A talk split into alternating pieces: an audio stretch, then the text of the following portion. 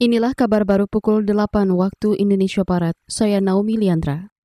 Kita ke mancanegara.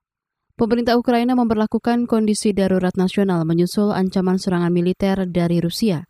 Sementara KBRI di Kiev, Ukraina menyampaikan situasi WNI masih aman. Laporannya bersama Made Yoni dari VOA.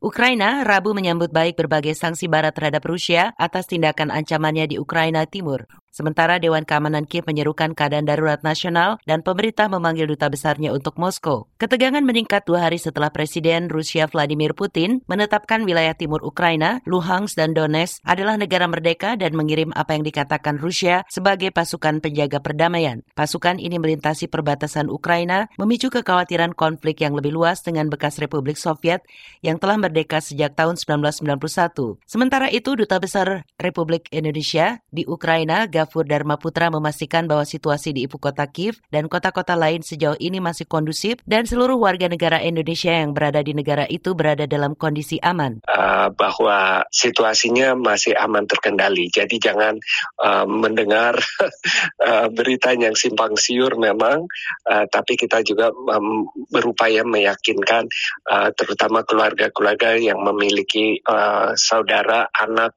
uh, dan seterusnya di Ukraina. Insya Allah segala sesuatunya akan uh, membaik. Ada 144 warga negara Indonesia di Ukraina yang sebagian besar berada di Kiev, Odessa, dan Kharkiv. Kita beralih ke berita lainnya. Lembaga pengawas BPJS Kesehatan BPJS Watch menyuatkan bisa memahami persyarat kartu BPJS Kesehatan guna mengakses berbagai layanan publik. Meskipun saat ini masyarakat masih terdampak pandemi COVID-19.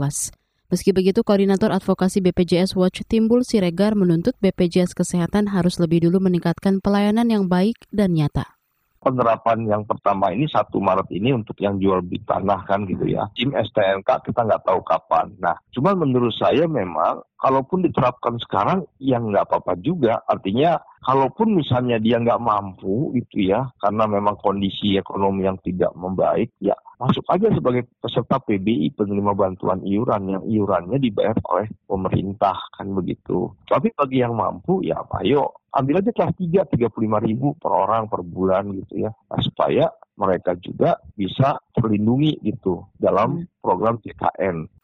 Koordinator Advokasi BPJS Watch, Timbul Siregar menambahkan, aturan yang mewajibkan kepemilikan kartu BPJS sebelum mengakses berbagai layanan publik sudah sesuai dengan Undang-Undang Sistem Jaminan Sosial Nasional atau SJSN.